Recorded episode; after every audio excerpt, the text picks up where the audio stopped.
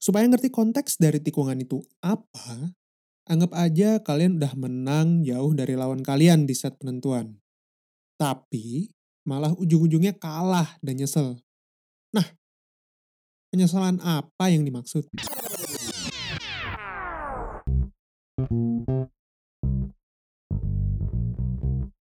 Welcome back to podcast Tepak Bulu episode ke-23. Challenge 30 hari bersuara persembahan The Podcasters Indonesia. Hari ini gue bakal ngomongin soal tikung menikung yang berujung penyesalan.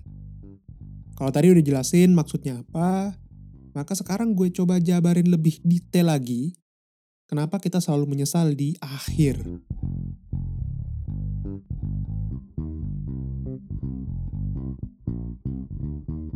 Dalam badminton, skor yang harus dicapai oleh setiap pemain untuk memenangkan sebuah set atau game adalah angka 21 dengan sistem rally. Artinya, siapa yang dapat duluan, dia yang menang. Ya, seperti kebanyakan olahraga, objektifnya adalah mendapatkan angka tertinggi terlebih dahulu. Gitu. Nah, kenapa kok ada sebutan tikungan di olahraga macam bulu tangkis ini? Kan bukan balapan. Dan kenapa fenomena ini sering kejadian? Tikung menikung gak harus selalu dalam konteks pacaran juga misalnya ya.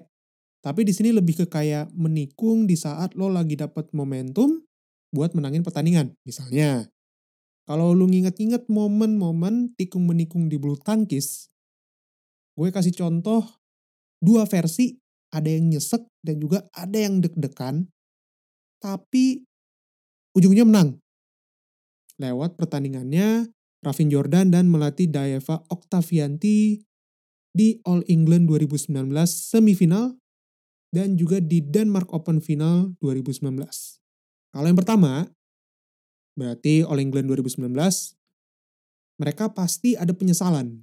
Ketika di set kedua udah unggul 20-18, itu udah mau menang loh ya, karena udah termasuk match point. Tapi kemudian kalah 20-22, dan pada akhirnya di set ketiga udah lepas aja kalah juga. Padahal momentumnya tuh lagi bener-bener ada di mereka gitu ya. Cuman tiba-tiba malah nggak bisa nyelesain. Kayak buntu lah gitu begitu udah masuk set ketiga. Jadinya udah hilang lah tuh kesempatan buat juara All England di tahun itu. Hal yang sama juga tentunya nggak mau mereka ulangi lagi pas di Denmark Open di tahun yang sama juga. Waktu itu mereka udah sempet unggul lumayan jauh, 14-7 di set ketiga tapi malah jadi ketinggalan jadi 14-18 sampai akhirnya menang dengan skor 21-19. Lo bayangin coba yang nonton waktu itu ya, live lagi, itu gregetan sama kesel itu kayak gimana sih waktu kita udah unggul terus tiba-tiba ditikung, habis itu kita nikung balik gitu. Wah itu asli, gua sendiri aja yang nonton juga kayak deg-degan coy buset. Gila emang. Nah untungnya mereka belajar dari penyesalan yang mereka dapat pasti All England dan udah gitu malah bisa dapat dua gelar berturut-turut di bulan Oktober dan November. Habis Denmark Open, juara, juara lagi di French Open. Di minggu berikutnya. Gila emang. Menurut gue pribadi, penyesalan bisa jadi tempat belajar yang paling asik. Anjing, kayaknya salah sih gue ngomong gitu. Meskipun kadang datangnya terlambat. Kalau di depan namanya pendaftaran. Ya, betul sekali.